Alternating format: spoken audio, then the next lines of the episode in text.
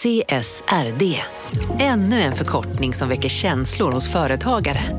Men lugn, våra rådgivare här på PWC har koll på det som din verksamhet berörs av. Från hållbarhetslösningar och nya regelverk till affärsutveckling och ansvarsfulla AI-strategier.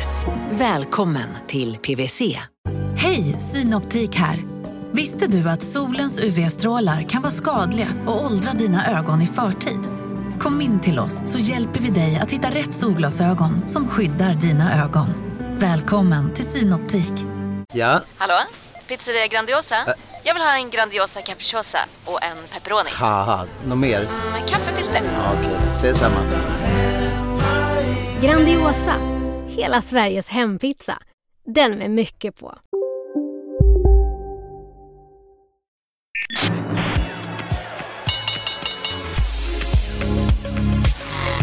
Här är Marknaden med Helene Rothstein. Ska vi, ska vi kolla på någon är här eller? Vi ringer på lite olika. Svenska Akademins sekretariat. Bistro. Bistro. Ja. Ta allihopa. Pappa då? Någon som Ja.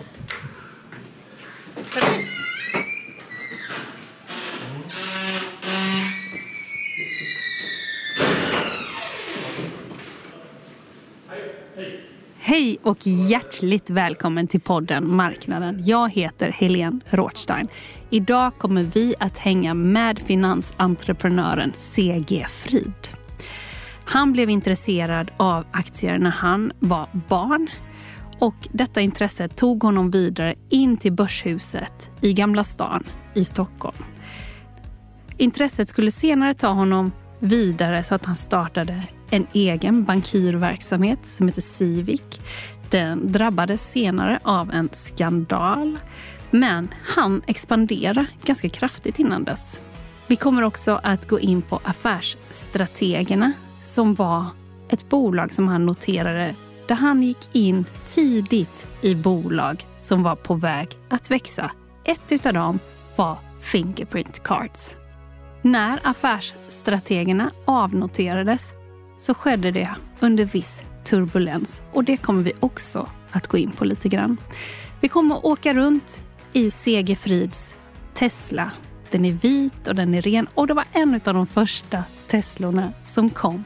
Att vara med Segerfrid en dag är som att röra sig genom finansbranschen mitt i den brytningstid när börshandeln gick från stillsamma beställningar till ett rus av kreativt affärsmannaskap. Vi börjar i Börshuset i Stockholm och här finns inte så mycket kvar från tiden när han var här som börsmäklare. För nu så är det Nobelmuseum här. Men vi ringer på.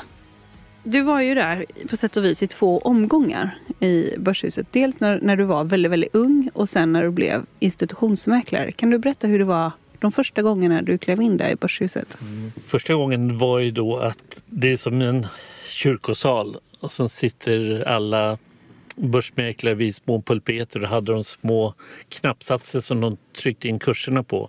Så det var helt tyst och sen satt åskådarna och lyssnade längst bak och försökte lista ut hur mäklaren betedde sig och avslöjade om de hade stora poster att sälja eller om de hade stora poster att köpa så att de kunde dra slutsatser av det. Så det satt en handfull människor där som följde börsen i tysthet. Och första tiden jag var där så hade man möjlighet att ha kontakt med sin mäklare ute i receptionen. Men ganska efter något tid så var de tvungna att gå ut och ringa till sin börsmäklare och använde en telefonkiosk som var utanför och en tobaksaffär. Så därifrån ringde de in sina order till sina mäklare. I början av din eh, entreprenörsresa och ditt intresse för aktiemarknaden så kom det av dig själv nästan, eller? Ja, i princip så slängde jag Kalle Anka och började läsa Veckans Affärer. Ja, det var precis som hände. Och Veckans Affärer fick jag faktiskt låna via min mammas eh, chef på Skattehuset, Erik Sjölander. Och han sa att du förstår mycket bättre det här så att jag fick låna tidningen innan han hunnit läsa den. För den var på cirkulation där. Och sen följde jag med alla tidningar, klippte ut alla artiklar om bolag och sparade i arkiv och sådana saker så att man kunde gå tillbaka och följa upp bolag. Du är 13-14 år. Du går in på Börshuset i Stockholm som ligger i Gamla stan. Hur ser det ut där inne då? Nej, det är en stor dubbeldörr. Så går man förbi en liten hall och sen sitter det som en åhörarbänk. Så det är lite mer som en kyrksal med träbänkar längst bak och sen pulpeter för börsmäklarna där de satt och lämnade kurserna i sin tysthet. Och längst fram satt ju en, såg ut som en domare som höll i börsprotokollet och ropade upp aktierna. Och sen fick eh, börsmäklarna trycka in sina köp och säljkurser och berätta hur många aktier de ville köpa eller sälja. Så att det var... Stockholms fondbörs var ju känd för den tysta börsen för att de traditionella börsgolven i New York och sånt, då sprang man runt och gjorde affärer i en sal. Medan här satt man och tryckte på knappar i tysthet. Det är början på tidigt 70-tal och vi är i Börshuset. Där du hamnade på en åhörarbänk. Och där satt också, fick du veta så småningom, en rad ganska kända personer som blev kända senare. Kan du berätta lite om Svarta gänget? Ja, Svarta gänget var ju beteckningen på daytraders idag. Och där fanns ju en av starka profiler var Eskil Johannesson. Robert Weil var där. Per och Erland Holmlund. En som hette Lederhandlaren. Revisor Hamreus Eh, och några till. Och många av de där, Eskil Johannesson återkom sedan så att när jag väl hade börsnoterat affärsstrategerna så visade det sig att han ägde 10% av bolaget. Och han brukar alltid springa på mina bolagsstämmor. Så att, och Robert Wall har haft otroligt mycket kontakt under alla åren under mäklartiden. Och eh, Per Holmlund har hjälpt mig och stöttat mig när jag etablerade bankirfirma i Norge. Så att jag har haft löpande kontakt. Och vad var då vitsen om man satt där på åhörarbänken? Vad var vitsen med att ens sitta där? Var det hur många knappar någon tryckte på? Eller vad, vad, vad kunde man få ut av att sitta på, på bänken och titta? Man skulle ju försöka lista ut för att om någon mäklare hade otroligt mycket affärer att göra eller köpa eller sälja stora poster så kunde man ganska lätt se hur han betedde sig när han ska sälja iväg sina aktier. Och ibland påverkade han kursutvecklingen och den kunde man utnyttja till sin fördel. Så att om någon hade på den tiden kanske 50 eller 100 000 aktier att sälja i Volvo och sånt, det påverkar kursen flera kronor. Och eh, sådana signaler försökte man lista ut. Och sen var det ju allmänt man vill följa kursutvecklingen, när den gick upp eller ner och stämningen. Du har bytt ut Kalle Anka mot Veckans Affärer som du har fått då via din mammas chef på eh, skattekontoret. Finansprofiler kan man säga, den tidens daytraders eh, i, i Svarta gänget. Bland annat Robert Weil och, och så vidare. Du måste ju varit ändå ganska mycket yngre än dem. Blev, och de som var daytraders. Hur... Jo, de var ju dubbelt så gamla som jag var, minst. Kanske det som gjorde att de blev lite fascinerade av mig så att många av de här har följt mig i min karriär sedan dess. Även i äldre dagar nu så att jag kan ringa upp vem som helst, de vet exakt vem CG är. Marknaden sponsras av SPP, pensionsbolaget. Eh, förra gången pratade vi lite om ITP. Och som en kort repetition så, så var det ju 70-tal, arbetsmarknadens parter bestämde att alla tjänstemän ska ha en tjänstepension. Man kom överens om vilka villkor som ska gälla i den här pensionen och så kallade man den för ITP. Så jobbar man idag som tjänsteman i ett företag med kollektivavtal, då har man förmodligen den här pensionen, ITP-pensionen. Eh, och det är ju så att man kan påverka eh, den här pensionen, hur den är placerad. Vart femte år så gör nämligen Collectum, som de heter, en enorm upphandling där olika pensionsbolag kan ansöka om att få förvalta eh, de här pensionerna. Och SPP är ett av bolagen som valdes ut i den senaste upphandlingen.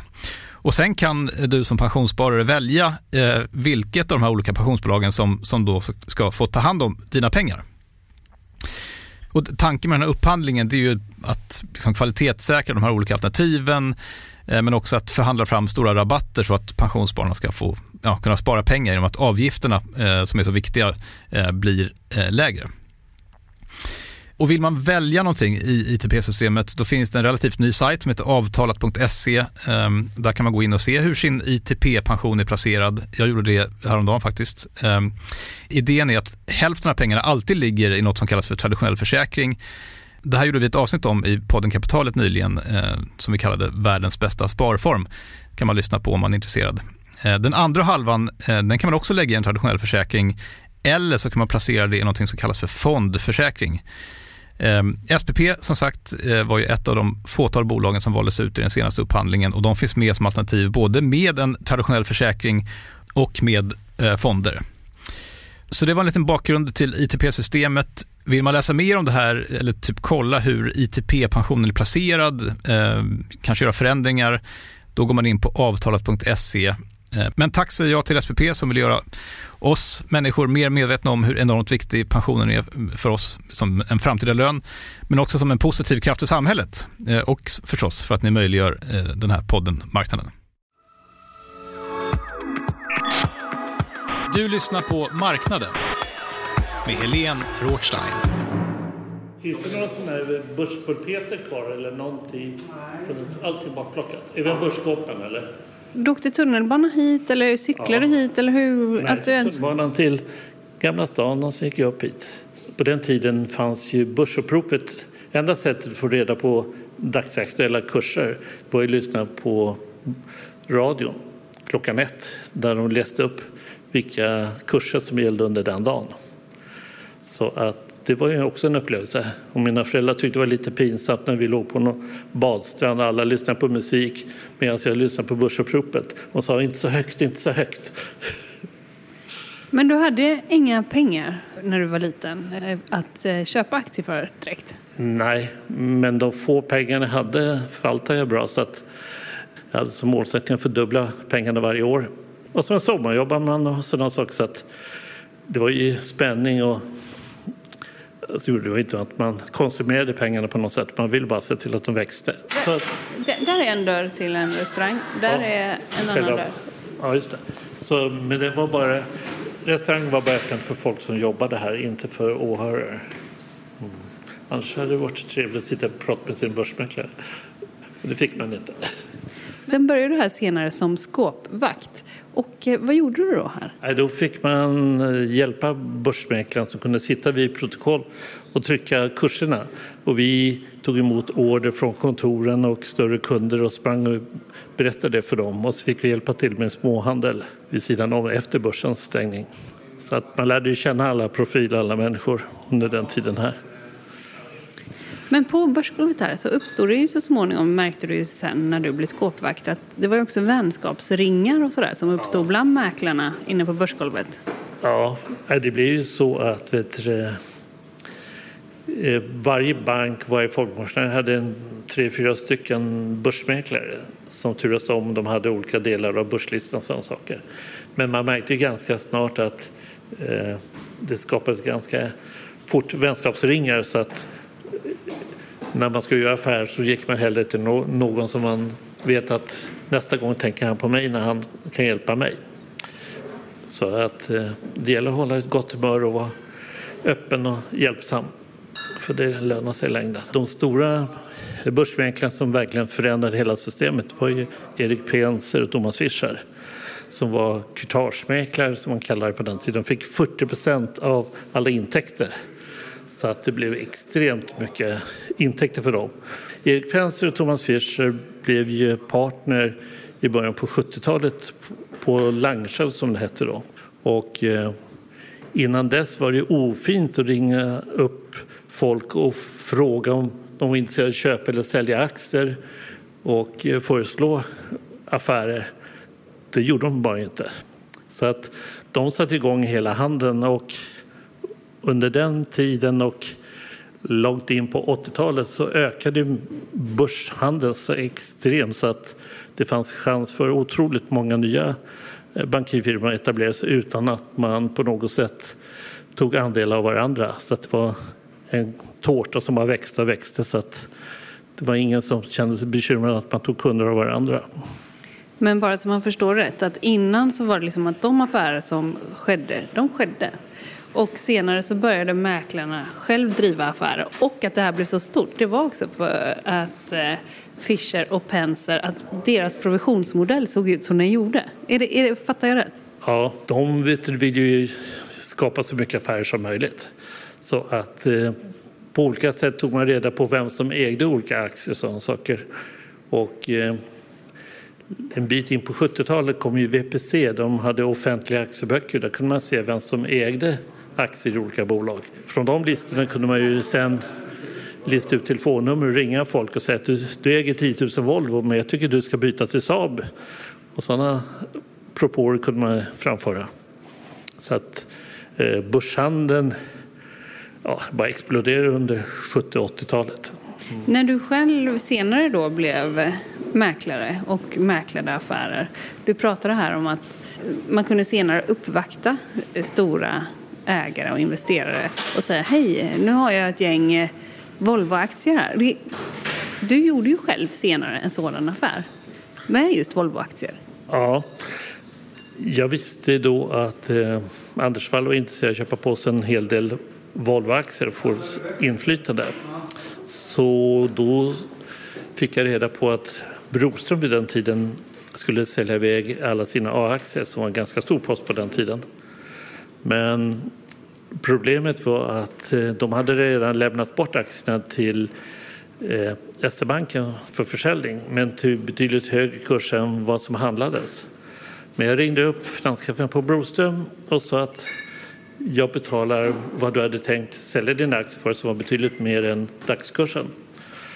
Ehm, och jag var så säker på min sak så jag köpte de där aktierna och så gick jag på lunch för jag fick inte tag i Anders.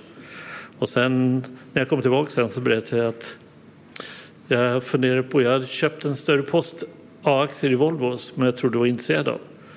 Så att jag levde i ovisshet kanske ett par timmar innan han berättade att han ville köpa dem. Eh, som mäklare då så hade man ju en eh, väldigt stor makt när man började eh, initiera affärer på det här sättet. Alltså maktkampen om Volvo och också internt i Volvo med PG Gyllenhammar och Anders Wall till exempel. Det var ju ganska det, det, det, blev ju infekterat så småningom kan man ju säga för att uttrycka saken milt. Och, och eller hur? Ja, ja mycket. Ja, ja, mycket. Eh, och då, ni som mäklare på den tiden, när du då var med i en sån här process eh, där det inte bara handlade om pengar utan det, man var också med i olika maktkamper. Va, va, vad tänkte du kring det? Nej, det mest spännande var väl att man var ju lojal mot sina kunder. Så även om jag satt på Handelsbanken så hade jag minst lika många eh, kunder som jag var lojal mot som jobbade för Wallenberg och SE-banken som visste att jag gjorde deras affärer.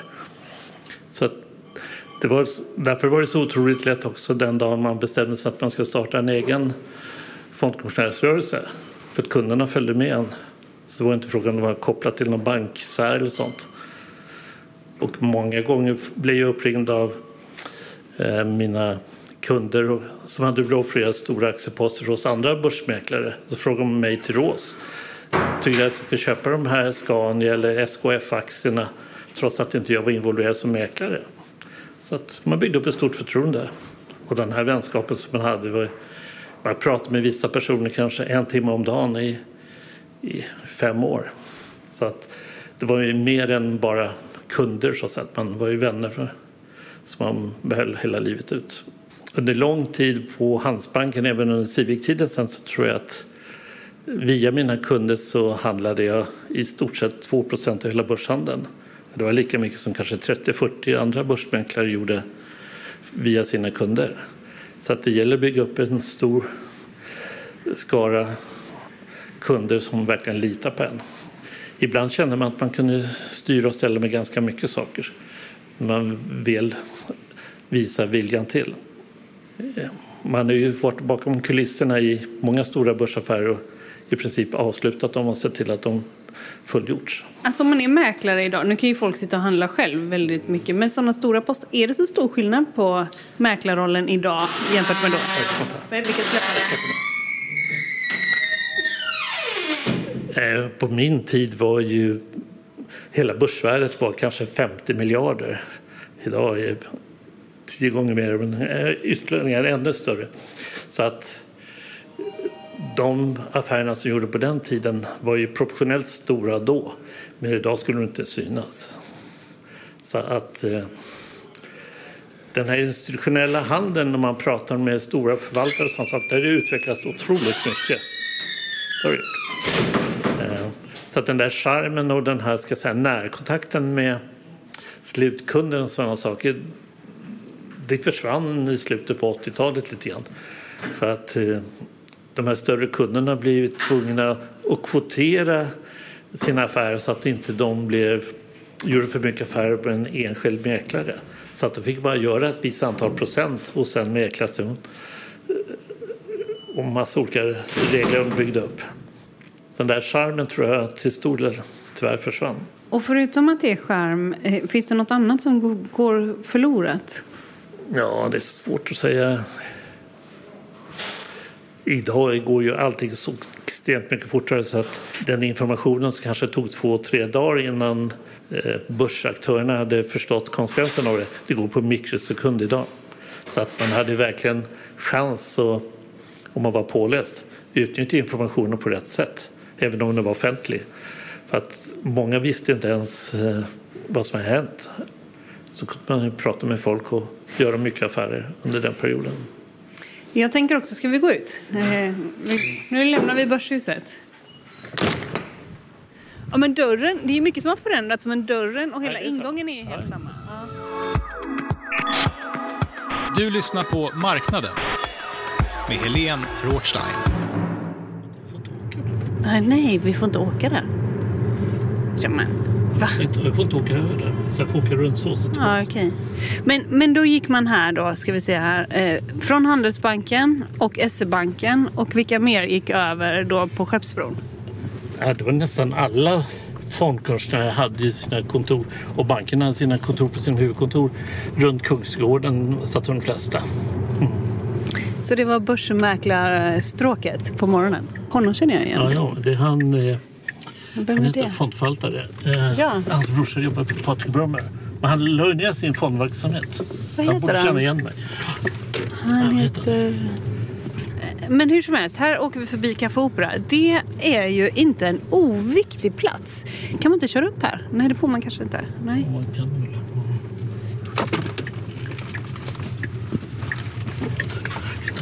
Eh, Så i hörnan där uppe på fyra trappor satt hela raden av institutionsmäklare på Handelsbanken.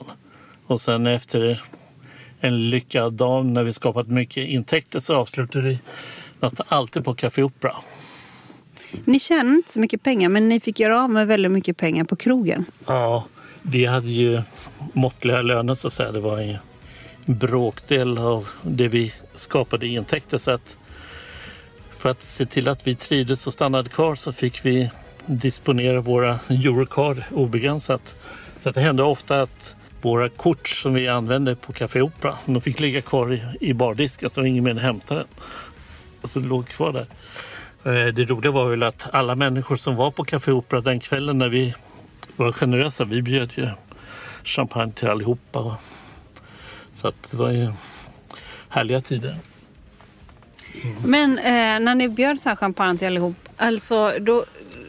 Det där var inte avdragsgillt väl? Eller? Men det var inte vårt eh, avdragsrätt eller inte. Det var- inte det vi tänkte på i första hand. Nej. Vi fick godkänt och vi visade upp våra kvitton dagen efter och blev påskrivna. Så att det var liksom inte... Det var godkänt rakt av.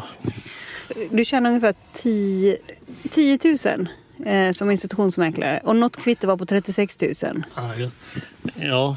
vi hade gjort otroligt mycket affärer och vi räknade ut varje dag hur mycket intäkter vi hade skapat för banken. För de ville ha statistik på det där. Då sa min chef att gå ner på Café Opera. Jag skriver på eh, vilket kvitto som helst, inga problem. Och jag hade väl en månadslön tror jag då på en 10 000 kronor. Och sen dagen efter när jag kom och visade upp kvittot och så sa han men Seger, 36 000 kronor. Men kunde du inte ätit något mer än bara en räksmörgås? Varför var det viktigt med Café Opera? Viktigt och viktigt, jag förstår, jag förstår verkligen att det var roligt. Men eh, fanns det också något som var viktigt? Nej, vi träffade ju alla våra kollegor där ofta. sånt. Sen var det också så att man jobbade otroligt i högt tempo och eh, man kopplade av ordentligt när man kom till Café Opera. Så det var ett sätt att släppa nerverna och ladda för en ny dag. Det var ju någon gång det var en chef här. Han dansade, dansade, dansade och ni låg ju bakom ett upptåg där med honom. Vi hade besök av Oslochefen från Norge som kom hit och skulle träffa Fångarföreningen i Sverige. Och eh, det var ju dansgolv och disco där och sådana saker. Och så kom jag på att vi ger alla tjejer 100 kronor för varje dans de bjuder upp honom på. Så att han höll ju på att dansa ja, fram till de stängde. Jag tror han aldrig haft så roligt någon gång. Kom han på att det var ni som låg bakom? Nej, han förstod inte varför han var så populär. Han trodde att det här norska var det som var så attraktivt. Men han såg inte illa ut heller så det var inget problem så. Men, men så roligt tror jag han aldrig haft någon gång. Var det roligare förr tror du? Eh, Det här sättet, det här kostade ju inte så mycket men det gav ju så otroligt mycket mer. Och sen var det allting, tror jag, eh, enklare på något sätt. Det är svårt att förklara. Man gjorde inte saker som märkvärdigt. Så att de flesta hade ju samma sits och levde på sin lön och sådana saker. Så att det var ju det var ganska enkelt levande. Ska vi åka vidare? Det, nu har vi ju varit här, Handelsbanken. Eh, Jag jobbade ju där och sen på baksidan där på... Jag vet inte, vi kanske åker dit. Ja, ska vi göra det? Mm, jag ska se om jag kan vända här. Är porten. Här går ju några in här nu också. Ja, det är fortfarande personal igång sån här kontroll. Här börjar det då på Här på Handelsbanken. av Kungsträdgården då, så var det personalingången. Och eh, inte varje gång men eh, någon gång så var det Tore Browald som gick före mig så han höll upp dörren och skämtade om att du drar in massa pengar till banken, jag kostar bara pengar som bockarna.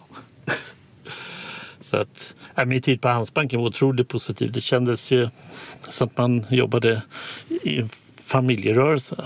I och med att jag fick tillträde och sprang runt och träffade alla chefer och alla avdelningar så att man jag lärde känna med alla i banken som och min chef gjorde det också att öppna upp alla dörrar. Jag fick vara med på eh, direktörernas konjunkturbedömningar som Rudolf Jalakas gjorde och sådana saker. För han sa att det där förstår du mycket bättre än jag, sa han. Så då fick jag gå som junior och springa på de där mötena. Nej, det var otroligt lärorikt. Och ändå så slutar du efter ett tag. Ja, det var så att jag hade... Parallellt som jag jobbade här på banken då hade jag gått högre bankexamen som motsvarar en civilekonom enligt bankens bedömning. Men jag ville ha en bredare utbildning. Så jag läste till civilekonom på kvällarna parallellt som jag jobbade på banken. Och eh, sen när jag var klar med det i slutet av 81-82 så ville ju Laszlo övertala mig att jag skulle börja jobba på Alfredbergs folkmotion där Patrik Brummer och Rickard eh, intervjuade mig och diskuterade. Men jag, vi kom aldrig överens om villkoren för jag tyckte jag fick för lite egenandel. Och eh, sedermera så var jag hemma hos Olof Hedengren på Djursholm i hans villa och jag berättade för honom vad som hade hänt och sådana saker. Och sa Olof, men varför försöker du inte starta egen bankirfirma? Och det var ett halvår efter att Sven Hagström hade startat. Så då på en vecka satte vi igång hela processen på att ta reda på alla regler och krav som krävs för att starta en bankirfirma. Så att i slutet av den veckan sen så blev det att jag sa upp mig för att jag skulle starta en ny e-, egen privat bankirfirma. Men då ville banken helst att vi skulle stanna kvar och då sa jag det kan jag säkert göra men då skulle vi bilda ett konsortium med Octogård, Industrivärden och flera andra bankanknutna bolag som skulle bli delägare, bland annat Anders Wall också. Men i slutändan blev det inte så. Och då hade vi en handfull olika idéer till folk som var beredda att finansiera oss. Bland annat Stena Olsson, Stickan Andersson Och sen Bo Dahlgren med företagsfinans och ABV. För det var inte mycket pengar som skulle läggas upp på bordet, ungefär en 3 miljoner tror jag. Sen i slutändan så skrev vi ihop en propå och sen pratade vi med ABV Företagsfinans. Just det, Ted Jansson och Mats Arnhög, de vill ju också ställa upp och hjälpa till. Som hängde ihop, eh, vad, vad heter det, TDC? Ja, Eller det ja? Trade Center, ja, Mm, STC. Eh, Ja, just det. STC heter det. Ja. Och, eh, men sen kände vi att det var ganska tryggt med ett byggbolag och ett investmentbolag. Så de fick 24 timmar på sig att säga ja till vår propå. Och så startade vi då bankirfirman och slutgiltigt lämnade banken. För att sätta det här lite i en kontext. Ni lämnar banken. Det finns vid det här läget i Stockholm och i Sverige. Det finns inte så många uppstickare. De banker eller fondkommissionärsfirmor som har startat, de har startat för länge sedan. Det finns inte så många nya. Vi har Sven Hagströmer, ni kommer. Ja, det var jag tror det var en 20-tal år sedan som det etablerades någon ny bankirfirma. Så att huvuddelen av affärsverksamheten drevs ju via bankerna och deras eh, börsmäklare. Så det var liksom en marknad som var oligopol och för att förstå detta så i dagens kontext så kan man säga att ni var eh, ungefär som att ni skulle förmedla affärer på börsen som eh, man kan inte jämföra med Nordnet och Avanza men lite, lite ditåt ändå om man skulle säga hur eh, eh, vilken typ av uppstickare det var till de etablerade aktörerna. Ja, Eh, på den tiden var det ju så att även på Handelsbanken och sånt så var det nästan gåspennor som gällde. För att alla avräkningsnoter skrevs ju på skrivmaskin och man var otroligt överlycklig om man hade förmatat i skrivmaskinen adresserna på kunderna man gjorde affärer med. Så det fanns liksom ingen teknisk plattform på något sätt som man kunde ta del av för att starta en bankirfirma. Så att vi fick ju ta initiativet till att bygga egna datasystem och kontrollsystem och sådana saker som överhuvudtaget inte fanns tidigare. Så att eh, vi blev nydanare både att vi startade nytt samtidigt som vi drev tekniken framåt på, för vår del. För då startade ni då Civic och eh, ni bestämmer er för att eh, Ja, och ni bestämmer er för att vi gör våra egna datasystem. Vi, vi tar kontroll över det här eftersom det också var så efters, eftersatt. Och eh, året är? Eh, 82, 14 april fick vi alla tillstånd till att driva bankirfirma, ja, Bankinspektionen som det hette på den tiden. Och eh, jag var inte långsint på något sätt så att jag hade ju Handelsbanken som min huvudför, huvudförbindelse på Östermalmstorg samt SE-banken. Så vi krävde ju ganska stort handlingsutrymme när vi gjorde stora affärer. Ni hade kontakt med era kunder och det var egentligen de kontakterna från början ert huvudsakliga kapital. Förstår man rätt? Ja, i och med att vi hade så upparbetade lojala kunder. Så att, och det roliga var att eh, Handelsbankens pensionsstiftelses förvaltare han ville gärna vara med i början och hjälpa till att göra stora aktieaffärer. Så att vi hade otroligt lojala kunder, även mycket internt inom banken som stöttade oss. Så att vi kände liksom att det här var eh, spännande. Jag tror vi hade en marknadsandel på en 3-4 procent. Eh, Det här blev ju ganska omskrivet i eh, Dagens Industri, i Ja. Affärsvärlden och lite så. Nej, för att de fick ju uppfattningen då att det var någon slags större eh, komplex eh, historia. Att vi var osams på något sätt. Men vi var ju, hade jättebra relation med banken och vi använde deras kontor och sådana saker. Så att, men jag tror att journalister gillar att ha sådana här artiklar. Så att det var ju mer turbulens än det i praktiken var. Det, det var ju också att man också betonade att här är utmanare. Det handlade också om pengar. Man kunde ju tjäna så mycket mer pengar själv än om man var eh, knuten till någon stor institution. Eh, Vad jag kände som mest var att den här lojaliteten man hade gentemot sina kunder. eh, Det var ju också så att man gäller balansera det där också. Att om man var neutral aktör så var det mycket lättare att hantera det där. Bankerna var knutna till eh, maktsfärer och, och är ju. Det, det, så menar du, på det sättet neutral? Ja. Så att på så sätt i och med att det var så otroligt expansiv period och hela börsen bara exploderade. Och eh, devalveringen som man gjort gjorde ju också så att det blev enorm värdeförändring på aktier och sådana saker. Så att, eh, det gäller att göra sina kunder glada. Det lättast att göra dem glada är att de gör bra affärer. Så att de flesta gjorde otroligt bra affärer så att det bara växte och växte. Så att en liten aktör som var obetydlig var ju efter några år kanske en otroligt större aktör. Och han var lojal med oss för han visste att han hade börjat gjort sina affärer hos oss från början. Eh, marknaden sponsras av Karla. Eh, vi pratar ju en hel del om bilar här på kontoret. Eh, karla har ju skapat, skulle jag säga, det som är standarden för hur man idag köper och säljer bilar på nätet. Kort bakgrund bara. Karla säljer och leasar begagnade elbilar och laddhybrider på karla.se. Alltså en helt digital upplevelse.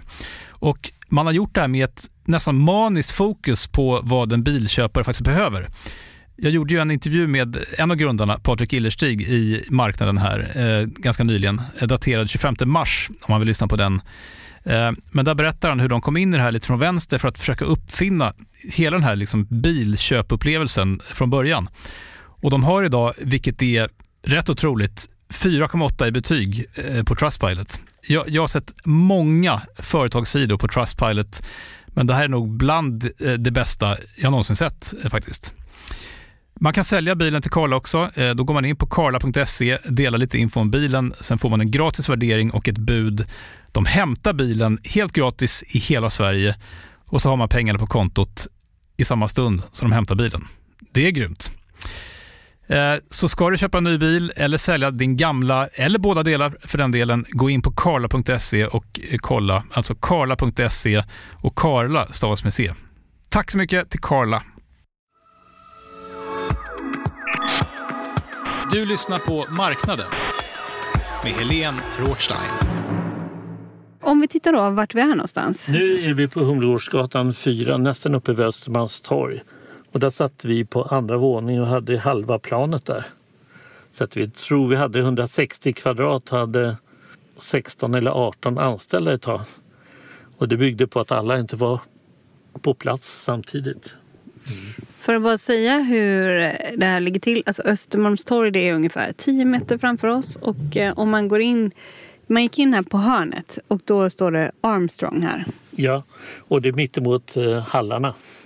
Och sen där borta runt hörnan, där låg SE-bankskontoret som vi använde för våra avräkningar när vi gjorde affärer. Och sen på andra sidan Östermalmstorg låg Handelsbankskontoret. Men i och med att vi var så få på kontoret och när vi skulle ha personalfest, de hade jättefin festlokal här nere i källaren, så bjöd vi in SE-bankskontorets personal för de var ju också unga och alerta. Och eh, det blev kanske lite för mycket den kvällen så att dagen efter så hade det här lokalkontoret satt upp skyltar att de hade tekniska bekymmer så de kunde inte öppna den dagen. För alla var helt utslagna? Yes.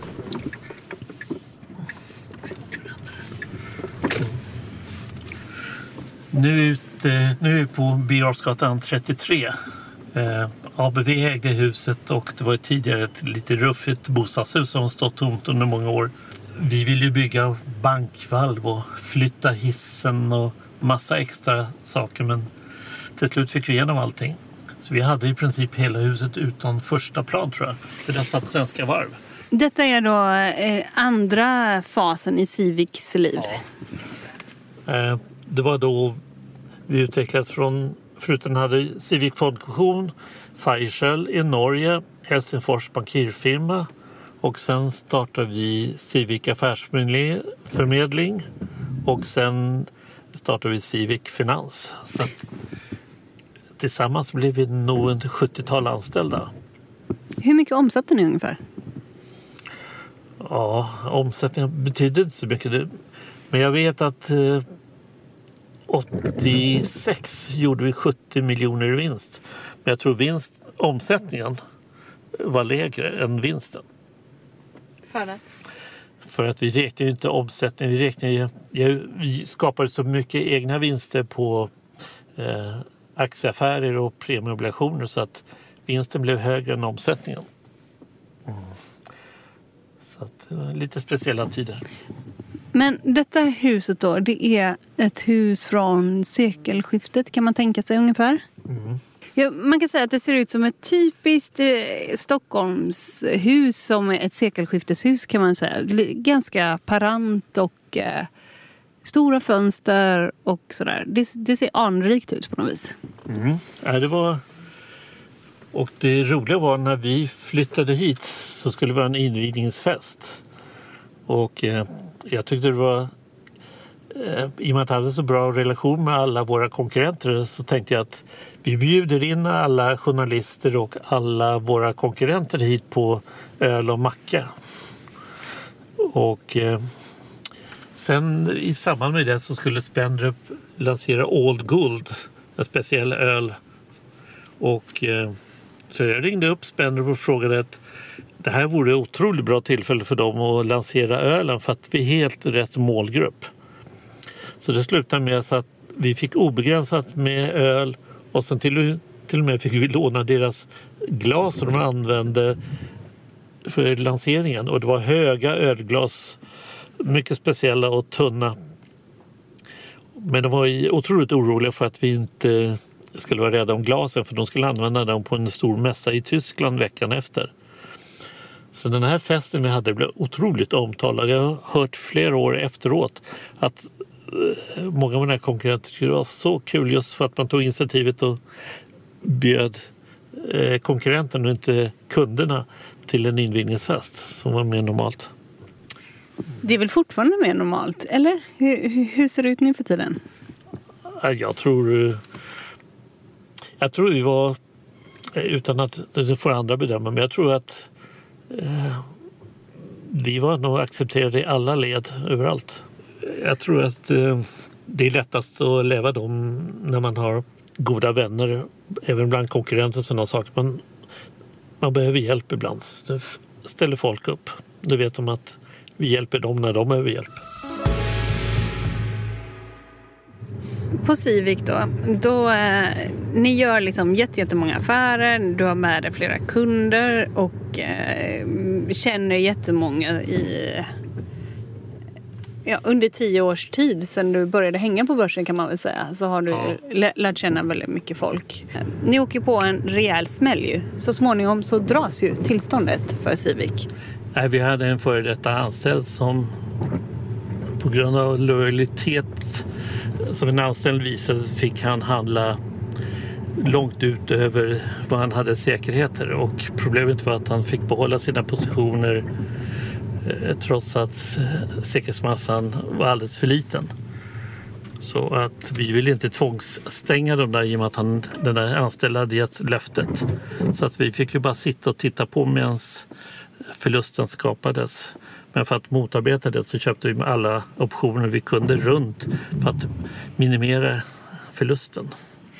Eh, så det var dels då att man inte var tillräckligt då från er sida professionell i den här bedömningen utan att man var lite, det här är en gammal kollega och sådär. Eh, och sen... Eh, grunden var ju det att den anställde hos oss mörkade och inte berättade sanningen. Och när vi väl förstod vad som hade hänt så gick det inte formellt att stänga eh, affären. Men det här var också en speciell marknad som man hade spekulerat i som... Derivat. Ja. Nej, det var ju derivatmarknadens begynnelse så det var ju ganska nytt företeelse och nej, turbulensen blev ju otroligt stor kring det där. Men själva beloppet och förlusten i sig, det var inte det som var problemet. För jag tror att året innan hade vi eh, genererat vinster som var minst dubbelt så stora som den potentiella förlusten kunde bli. Så att det kunde vi bara svälja. Men sen blev det ju mycket skriveri kring det där och eh, det var svårt att få med alla där. Men det här är ju en historia som är 40 år tillbaks. Nej, problemet var att bankinspektörschefen Hans Löberg var ju ganska okunnig om branschen och sådana saker. Så att han tog ett beslut hemma vid köksbordet utan att diskuterade det med sin styrelse eller förankrade i styrelsen. Sen när vi väl skulle diskutera med honom det hela så var han helt... Eh, han var inte mottaglig för argument och vi fick inte chans att argumentera för våran sak. Och vi hade historiskt inte fått någon varning och vi hade skött våran verksamhet med fem stjärnor tror jag. Vi hade många av de anställda som var på vår sida från bankinspektionen som tyckte att det här borde lösas. Men trots att vi hade en enig juridisk kår som var på vår sida, till och med justitieombudsmannen stötte oss och sa att Hans Löfberg hade överträtt sina befogenheter. Men problemet var på den tiden att det inte fanns någon myndighet där vi kunde överklaga. Så att det enda sättet för oss var att diskutera det med Finansdepartementet. Och den tjänstemannen på Finansdepartementet sa att som jurist kan jag bara göra en sak. Jag kan göra bedömningen att Hans Löfberg har överträtt sina befogenheter. Men det här är så pass allvarligt så att om vi tar det här beslutet Finansdepartementet måste vi sparka Hans Löfberg. Men tyvärr har han så stark politisk förankring så att det kommer inte vi klara av. Så han bara lämnade det därhen. Men ni överklagade så småningom till Europadomstolen? Ja. Och problemet var i Europadomstolen att i och med att jag hade ABV och Företagsfinans som huvudägare de ville inte driva processen i Europadomstolen så att en av skälen till att vi inte kunde vinna där nere var att jag inte hade 100% kontroll över Civic vid det, när vi överklagade. Så. Du hade för lite ägarandel? Ja, jag företrädde för få aktieägare i Europadomstolen så det var en av skälen till att de inte kunde driva det vidare. Men man kan säga så här. Eh, ni blev helt enkelt av med tillståndet. Alltså, och, eh, det där ändrades ju lite i media om det, om det hade varit ert fel eller inte. Så. Men ni blev av med det. Och vad, vad, vad tänkte du då? Nej, jag såg bara till så att alla anställda och alla kunder, ingen blev lidande av det här. Så att jag fusionerade det med konsensus på den tiden. Och alla anställda fick jobb och alla kunders affärer lyftes över till konsensus. Så att de enda som förlorade på det här var ju aktieägarna till Civic. När det gäller mig och så, jag kunde starta en ny bankirfirma dagen efter. Så jag tar, funderar på om man ska öppna upp en ny bankirfirma med lite annorlunda profil. Och min idé var då att alla som sålde sina värdepapper via oss skulle få noll i courtage. På så sätt skulle man bryta upp marknaden och få en ganska stor marknadsandel. Men ganska snart så tyckte jag att det var ingen kul att göra om det där resan en gång till. Jag blev erbjuden andremansjobbet på Consensus men jag kände inte att det tilltalade mig. Och samtidigt så hade jag fått ännu mer blodad tand för det här för att starta nytt och skapa nya bolag i och med att jag hade etablerat bankirfirmor både i Norge och Finland och startat affärsförmedling och finansbolag inom Civic Holding som vi döpte om det till sedermera. Så från att ha varit mer inriktad på finans så blev du allt mer inriktad mot entreprenörskap, så kan man säga? Ja, och parallellt med det så eh, höll jag på med forskarkarriär, skulle skriva en doktorsavhandling om svensk mobiltelefoni. Så jag träffade eh, personerna som startade hela processen i Sverige. Östen Mäketale och Åke Lundgren. Åke Lundgren jobbade då på Ericsson och Östen Mäketale på Televerket. Men eh, i samband med det så kom jag i kontakt med massa olika personer som levde och hade idéer på saker och ting de ville utveckla men de hade inte finanserna. På en middag så träffade jag Robert Susanski som hade ett förflutet från Gambro men jobbade idag på en mindre familjebolag. Han hade två kollegor som fortfarande jobbar på Gambro och de hade idéer på att göra några engångsartiklar och några anestesimaskiner. Så att eh, vi kom överens om att jag finansierade upp hela projektet privat och om de klarade prognosen eller budgeten som de hade planerat för tre, fyra år framåt så skulle de vi äga 50 procent var av bolaget. Ehm, vi lyckas inte komma exakt Eh, fram till de siffror som de hade lovat men jag såg till att de fick halva bolaget ändå. Och det bolaget blev sedermera eh, börsnoterat. Och efter några år så blev det sålt till ett amerikanskt bolag. Och eh, senare så startade du också ett eget bolag där ni samlade massa entreprenörskap under ett paraply kan man säga. Mm. Parallellt med, med slutet av Civic så hade jag startat ett bolag som hette Affärsstrategerna för att jag var road av entreprenörskap och skapa av bolag. Jag lyckades sedermera sälja det jag hade fått eh, i optioner jag hade fått i en som betalning när vi sålde in Civic till konsensus. Och i och med att börsen utvecklades positivt så fick jag loss en del pengar Eh, efter ett tag. Och de pengarna återinvesterade jag till early stage, alltså en nystartat bolag. Parallellt så gjorde jag ganska mycket aktieaffärer och sådana saker. 98 där hade jag byggt på med en portfölj som med lån och hade kanske ett marknadsvärde kring 100 miljoner. Min affärsidé var ju att starta bolag och sen efter tre fyra år när de stod på egna ben sälja dem via börsen eller på annat sätt. Men på den tiden var det så att man, när man sålde aktier som var onoterade fick man betala 30 procent i skatt. Och min tanke var att jag ville återinvestera alla pengar och alla vinster i nya projekt. Och då uppvaktade jag Staffan Andersson på Price Waterhouse och frågade hur jag skulle lösa det där. Och då sa han att enda sättet på den tiden var då att jag skulle få investmentbolagsstatus. Men det var bara Investor, Industrivärden, Providentia, Exportinvest, bara en handfull bolag som hade den statusen. Så att eh, det måste man ansöka om att få. Och han sa att jag hade bra spridning på min portfölj. Men på grund av att ägandet var så otroligt fokuserat på mig så skulle jag inte klara kraven för att bli investmentbolag. Och då uppvaktade jag Handelsbankens korpavdelning och sa att jag var intresserad och börsnotera affärsstrategerna för att få investmentbolagsstatus. Men problemet var då att eh, för att bli börsnoterad så behövde man ha en uppbyggd finansavdelning och massa interna system som jag inte hade på plats. Men via Handelsbanken så lyckas jag få tillstånd att börsnotera affärsstrategerna. Och under tiden som jag letade efter finanschef så hyrde jag in då huvudstadens Internationals VD som var tidigare finanschef på huvudstaden som konsult. Så när Stockholms fondbörs kom och besökte mig för att intervjua och eh, göra personliga checken på att om jag var lämplig på att gå på börsens stora lista så hade jag en konsult som satt vid bordet. Men det gick bra, de godkände allting. Och sedermera så anställde jag en egen CFO. Vi åker och kollar vart det låg, affärsstrategerna. Du lyssnar på Marknaden med Helene Rothstein. Har, har, du två barn? Ja, Kristoffer och Pauline. Nu bor du på Värmdö och innan bodde du? Karlavägen 83 i drygt 30 år.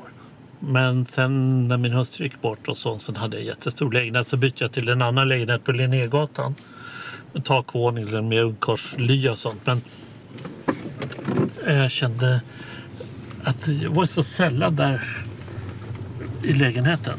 Så jag mm. hade inte så mycket glädje av det. Så när jag bodde inne i stan här och sånt mm. Och gick med barnen genom stan. Vet, jag kom ju aldrig fram. Det var så otroligt mycket människor hela tiden. Man bara träffade hej, hej, hej, hej. Och Paula sa, men vem är det där då? Jag har ingen aning. Nej, det var så. Ja. Men sen då så drar du igång med affärsstrategerna. Och eh, det blir ju på sätt och vis också liksom ett av de första riskkapitalbolagen. Men man kan ändå inte riktigt översätta det till ett riskkapitalbolag så som de ser ut idag. Nej, det här var ju ett investmentbolag som var inriktat på riskkapital. Jag jobbade nästan uteslutande med early stage, tidiga skeden. Eh, det som kom senare på 90-talet och som utvecklas extremt mycket mer det är att man driver allting i fondverksamheter. Så man tar hand om andras pengar och sen tar man 10 eller 20 procent uppsidan när det går bra. Men kunderna får ta 100 procent av smällen när det inte går bra. Vi hade ett investmentbolag som delade både uppsidan och nedsidan på våra investeringar i och med att alla var delägare i affärsstrategerna. Men den modellen visade sig kanske inte vara den absolut bästa. Varför inte? Det är lättare att attrahera större kapital via fonder än att få dem att investera i ett investmentbolag. Och många vill ju ha indirekt förvaltning så att eh, uppbyggda system på ett helt annat sätt. Men där tänkte jag lite fel. Eh, att bygga utifrån ett investmentbolag och bygga upp eh, early stage med en handfull, kanske 10-20-tal bolag eh, var ju en stor utmaning och sådana saker för att eh, i och med att vara börsnoterat så vill man hela tiden eh, vara transparent och folk vill veta exakt vad man ansåg om värdet på de enskilda bolagen. Och jag brukar alltid uttrycka om att värdet på våra innehav ser vi först den dagen vi säljer dem. Så att eh, allting innan dess blir alltid oklart. Men man var ju tvungen ändå att göra beräkningar och vad eh, portföljen skulle vara värd. Det är lite problematiskt. Men idag attraherar man tiotals miljarder i fonder från olika pensionsstiftelser och otroligt mycket lättare för dem att administrera det för att de har mycket lättare att styra och har byggt upp regelsystem hur de rapporterar och sådana saker. Trivdes du egentligen att vara i en noterad miljö? Ja, det fanns ju otroligt mycket fördelar. Jag kunde attrahera betydligt mer kapital än vad jag själv hade. Så att jag kunde inte byggt det jag gjort utan att varit börsnoterad.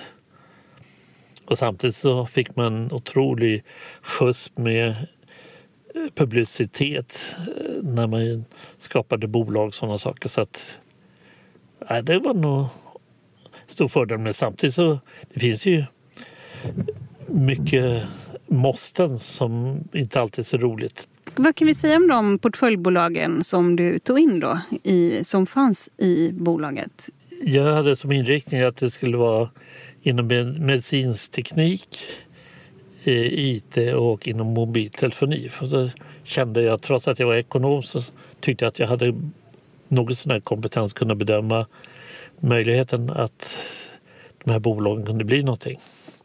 Jag brukar säga ibland att om två ingenjörer träffas och fattar tycke för varandra vad de hittar på så är det sällan att det blir något vettigt av det. Men om en ekonom tänder på en ingenjör och hans idéer då finns det en marknad och kunder som får avsättning för det som skapas.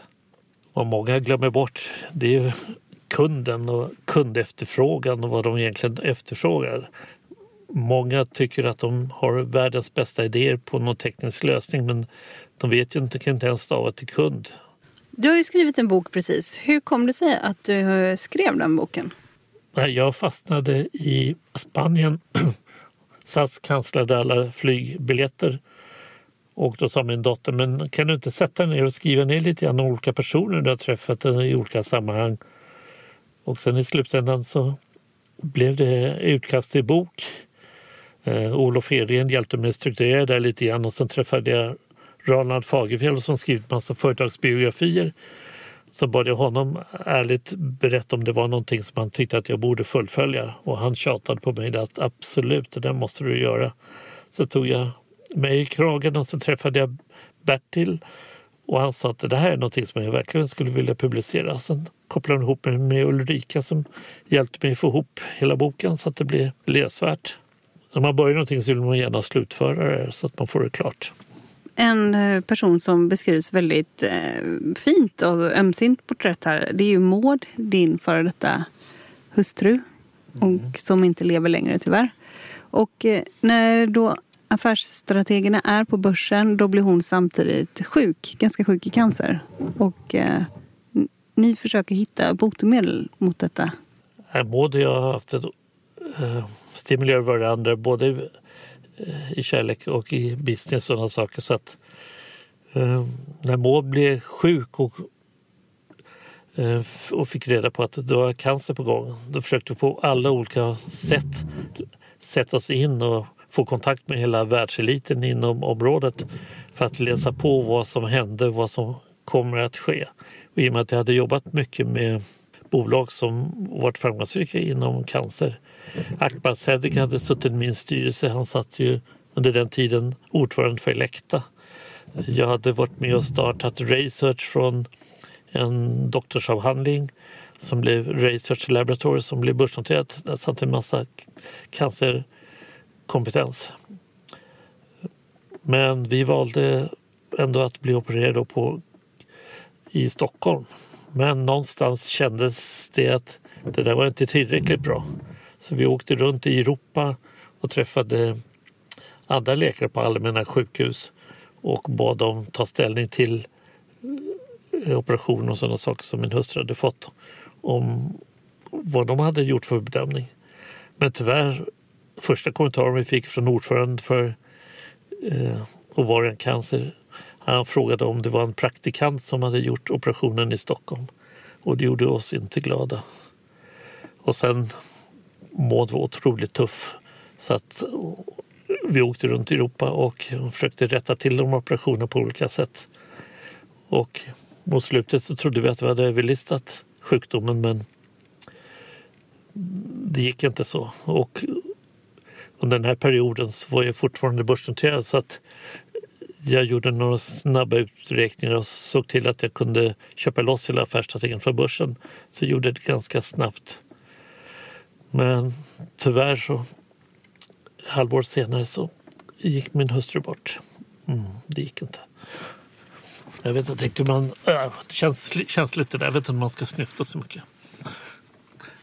Vilket år är detta? 2010. 2010. Och jag tänker också så här, ni åker runt där. Och ni åker runt, ni åker bil, ni åker flyg. Ja. ja liksom runt om till olika ställen. Ja, vi, vi var runt på olika kliniker som vi hade fått klart för oss var specialister inom området. Så vi var i Bryssel och vi var i Berlin. Maud var så pass dålig så att hon orkade inte flyga över till USA för där fanns det eh, avancerade sjukhus som inom området. Men vi kände ändå att på de här ställena fick vi otroligt bra hjälp och fick vi kunde ringa vår professor i Berlin dygnet runt.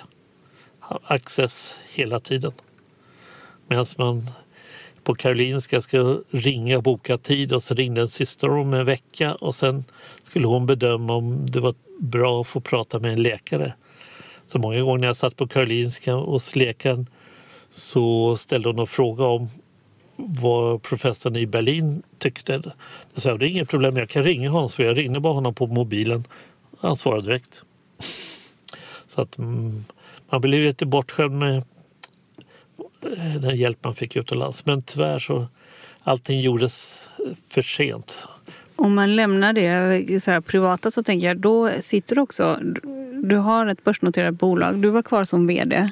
Ja, ända till... Eh, jag köpte loss det så att sista börsdagen blev, mm, tror jag, 14 dagar in i januari 2010.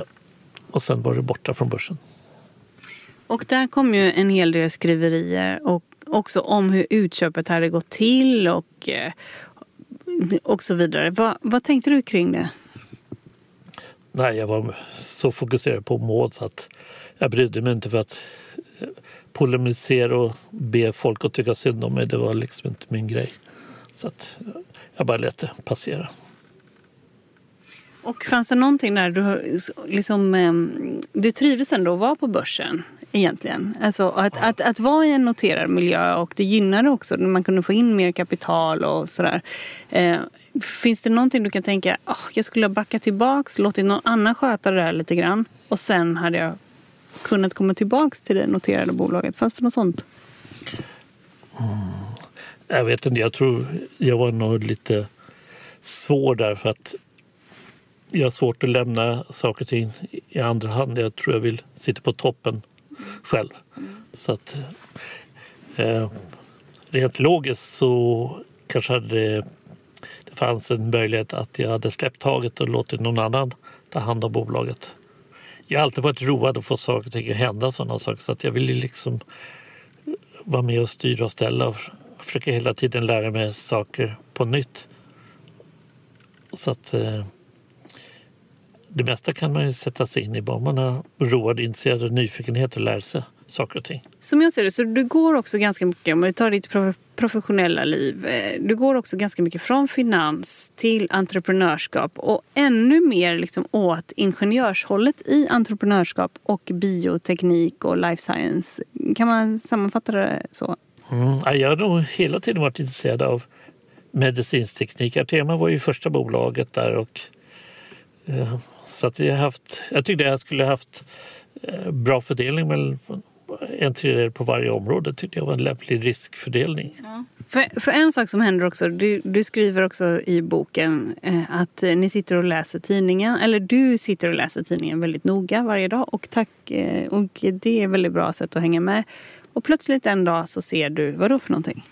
Mm, jag tror jag sitter och läser Dagens Industri och bland annonserna där bak så är det en kapitalförmedlingsbyrå som ska sälja ett patent på en idé kring en sensor för fingeravtryck. Och jag tyckte det där är något spännande. Så att jag åkte ner till Göteborg och träffade Lennart Karlsson som var vd för det här finansbolaget. Det enda som fanns var ett patent från ett dödsbo som skulle säljas för jag tror en miljon dollar eller något sånt där. Och eh, jag tyckte att det där vore spännande för att det här bör man kunna tekniskt lösa. Men jag var lite för ihärdig för att visa stort intresse för att köpa det där så att Lennart backade lite grann. Och då kontrade jag med att han och jag skulle starta ett gemensamt bolag och lägga in patentet i det bolaget. Och det blev sedermera Fingerprint Card.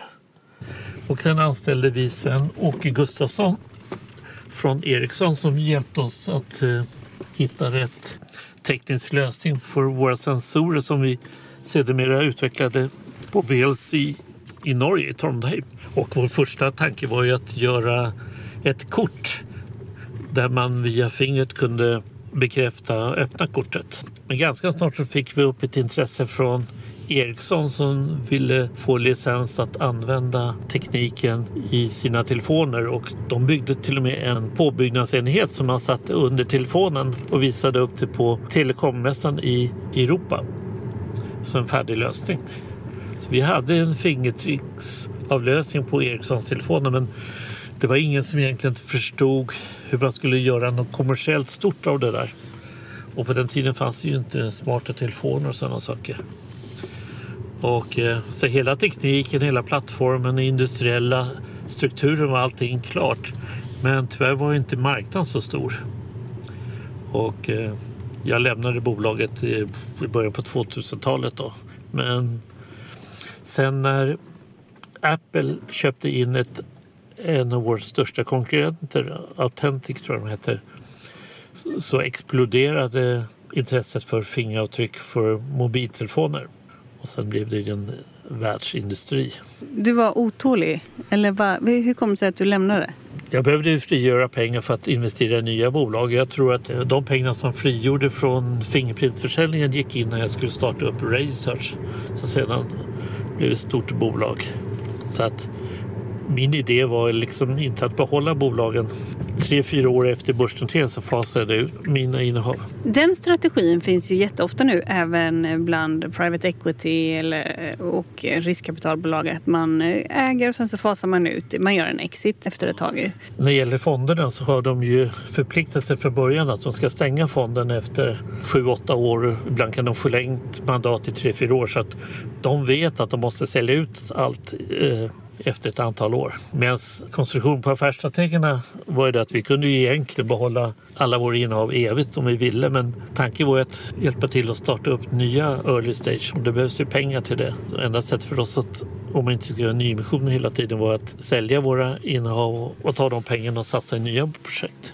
Så det var hela idén. Finns det något bolag som påminner om er som är på börsen nu? Stillströms bolag Trashen, de var ju faktiskt eh, listade innan oss och de har ju blandad portfölj om massa mogna bolag och även early stage. Jag hade varit runt i USA och träffat massa venturebolag ihop med IVA och sen var jag faktiskt på en vad kallar de en kunskapsresa med Veckans Affärer hade så åkte runt en vecka och vi träffade alla potentater. Det roliga med IVA när vi åkte runt i USA i Silicon Valley så hade vi ju, alla trodde att vi tillhörde kommittén för nominera Nobelpris. Så vi fick ju träffa alla grundare och ordförande för alla större venturebolag och advokatfirmor. Men om man tänker som EQT startade ju lite i samma veva som du. Eh, Investor hade ju ett bolag som höll på med early stage investeringar som Börje Ekholm drev under många år. Numera vd för Ericsson. Sen parallellt med det så startade Conny Jonsson då EQT.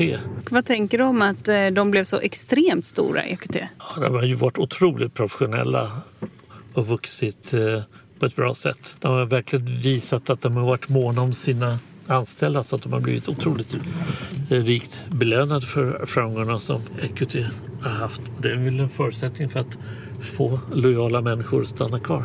Vänta, nu ska vi se. Nu så är vi då på Artillerigatan. Sex. Snett bakom Diplomat, inte så långt från Strandvägen. Det var en bra adress, Artillerigatan. Det var inte lika förnämt som Strandvägen. Men det var bra när man höll på med early stage och diskuterade uppstart av nya bolag. Så här satt jag nästan över 20 år. Vad finns kvar i? Ja, det är jag. Det jag. Men jag är fortfarande naivt intresserad av high tech och teknik så att jag försöker springa på så mycket seminarium och träffar och möjligheter och följa med trender och försöker läsa så mycket jag kan. Så det här intresset av teknik och lära sig och följa vad som händer, det, det släpper jag aldrig. Vad, hur investerar du idag? som den turbulenta värld vi är i nu, men vi har kommit halvvägs, så ägnar jag mig faktiskt mest åt aktiemarknaden. Men samtidigt så följer jag av ett tekniker och försöker träffa personer som jag tror har stort inflytande på vad som händer runt hörnan. En god vän till mig han brukar säga att börsen är spännande. Den kan gå upp flera hundra procent men kan bara gå ner hundra. Vad tänker du om det då? Jag tror folk tänker faktiskt så att de tänker inte alltid på riskerna när de investerar i bolag eller börsnoterade bolag att de tyvärr kan förlora alla pengar. De tänker nog bara på möjligheterna, hur många hundra procent de kan göra på sina pengar. Har du några stora innehav som, du, som är värda att prata om? Onoterat eller noterat? Nej, Jag fattar tycke för biotech. Förutom att de har mRNA-vacciner för corona så innan de började med det så var de ju otroligt ledande på forskning och utveckling på att bota cancer. Bland annat den cancer som min hustru hade. Så jag har varit i kontakt med Sigurd Salin, grundaren av biotech och haft massa dialoger med honom. Och han har ingett med otroligt stort förtroende. Men just nu så värderas de här bolagen från att eh, historiskt varit duktiga på att ta fram vaccin för corona men inget mer. Men jag tror att inom ja, tre, fyra år så kommer de ha en handfull vaccin mot eh, många av våra tuffaste cancersjukdomar. Men det är ingen som värdesätter det idag. Sen är jag faktiskt lite road av det här med media och sådana saker. Så jag har följt Acast som lever på poddar. Just nu när de gått ner har jag köpt ännu mer. De var ju så pass kloka att tog in extremt mycket pengar i samband med börsnoteringen. För att de visste att de hade Eh, fyra, fem år framför sig utan att generera vinster. Så att de skulle ju aldrig komma i det här problemet som många early stage-bolag att de kommer aldrig i mål och pengarna försvinner och förtroendet för att satsa nya pengar gör att de inte kan möjliggöra expansion av sina bolag. Och det är lite grann sån fas vi har nu så att många bolag som inte med trovärdighet kan visa att de kan stå på egna ben de får det tufft att få in nya pengar och, och om de får in nya pengar så får det till helt andra värderingar än vad de fick bara för ett år sedan. Men just Acas tror jag att folk har inte förstått riktigt att eh, deras affärsmodell, de jämför det med Spotify eller någon annan, men Acas är ju de hjälper ju kreatörer att kommersialisera deras poddar så att i princip har de eh, världens största annonsbokningsteknikplattform för att skapa intäkter för alla poddkreatörer. Och den plattformen som de har byggt och det kunderna har, det är helt unikt. Kryptovalutor, det tror jag det är snart en parentes. Jag tror inte alls på det. Men hela tekniken av blockchain, där tror jag det finns extremt mycket att hämta. När man ska säga, via relationsdatabaser kan säkerställa handel och äganderätter till eh, saker och ting. Där tror jag det finns extremt mycket möjligheter. Och det kommer utvecklas jättemycket. Men vad gör du idag skulle du säga då? Jag är fortfarande intresserad av high tech och följer allting som möjligt. Men för några år sedan så jag höll på att jobba med kändisnyheter till MSN och Yahoo snubblade jag på en idé jag haft angående Kickstart finansiera filmprojekt. Förutom att man kunde få sitt namn på filmerna kunde få chans att träffa kändisar, bjuda på premiär och sådana saker. Det blev aldrig någonting men i samband med det, sen jag var i Italien, så blev kontakt, fick jag kontakt med bland annat en svensk som var road av att göra dokumentärer. Så jag hjälpte honom finansiera en film som Jota Cardona, Rescue from Hell. Och det, det är någon colombiansk... Ja, colombiansk eh, före detta knarkhandlare som enkelt uttryckt springer runt i skolorna nu och ber om ursäkt för vad han har gjort. Men själva dokumentären kommer nu på Netflix, jag tror den 24 september över hela världen. Så det är kul att få det att fungera. Vi har inte pratat om att du faktiskt alltid har varit intresserad av konst. Modern konst, contemporary art kan man säga. Det har vi inte pratat så mycket om. Mm. Men eh, det har du ju varit och mm. åkt på konstresor och sådär. Detta då med filmintresset. Vad är det som du eh, tycker om? Den typen av skapande eller vad man ska säga som tilltalar dig? Ja, det är väl mest att det är en ganska komplicerad process att skapa filmer och finansiera upp dem. Så att någonstans så vill jag lära mig hur man löser det där på ett bra sätt. Kickfinansiering tror jag fortfarande är en idé som håller. Så att eh, när jag gör någonting så vill jag gärna slutföra saker och ting. Så, att, så är det bara kul att det här blev en film som sen hela världen kan titta på. Stort tack till dig Segerfrid för att du tog dig tid att träffa mig idag. Mm, tack så mycket. Kul att prata med dig. Du har lyssnat på podden Affärsvärlden Magasin. Idag har jag fått följa med Segerfrid. Och att jag kunde så mycket ändå om hans liv. Det beror på att han precis har släppt en bok. Den heter Bakom börsens kulisser och han har skrivit den tillsammans med journalisten Ulrika Fjellborn. Och den har getts ut på Ekelids förlag. Den här podden den är tillbaks om mindre än en vecka. Håll ut! Hej då!